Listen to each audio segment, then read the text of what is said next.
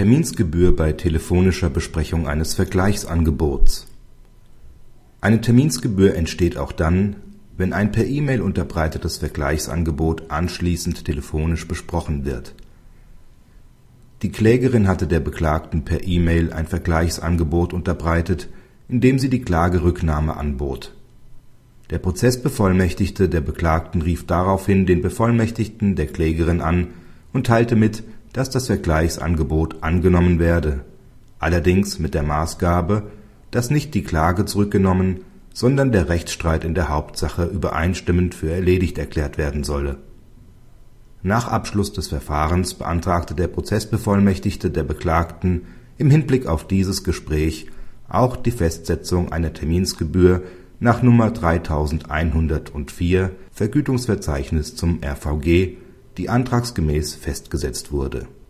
Die hiergegen gerichtete Erinnerung blieb ohne Erfolg. Eine Terminsgebühr entsteht nicht nur für die Wahrnehmung eines gerichtlichen Termins, sondern auch dann, wenn die Parteien eine Besprechung, auch ohne Beteiligung des Gerichts, zur Erledigung des Verfahrens führen. Eine solche Besprechung muss noch nicht einmal Erfolg haben. Dass also aufgrund dieser Besprechung das Verfahren erledigt wird, ist nicht erforderlich Bloße Verhandlungen mit dem Ziel der Erledigung des Verfahrens reichen aus. Hier hatten solche Verhandlungen stattgefunden. Ob bereits der Austausch von E-Mails eine Terminsgebühr auslöst, kann offen bleiben, da hier noch ein Telefongespräch stattgefunden hat. Es war insoweit auch nicht erforderlich, dass hier nochmals streitige Positionen ausgetauscht wurden.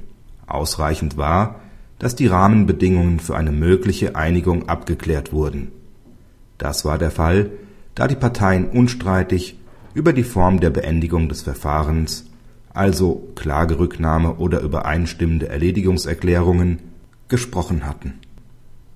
Praxishinweis Das Gericht weist in den Gründen seiner Entscheidung zu Recht darauf hin, dass für die Festsetzung einer Terminsgebühr eine Besprechung vor Gericht nicht erforderlich ist. Eine Terminsgebühr entsteht auch ohne Beteiligung des Gerichts eine Festsetzung kommt sogar dann in Betracht, wenn der Anfall der Terminsgebühr zwischen den Parteien streitig ist. Der Streit ist dann gemäß § 104 Absatz 2 ZPO mit den Mitteln des § 294 ZPO im Festsetzungsverfahren zu klären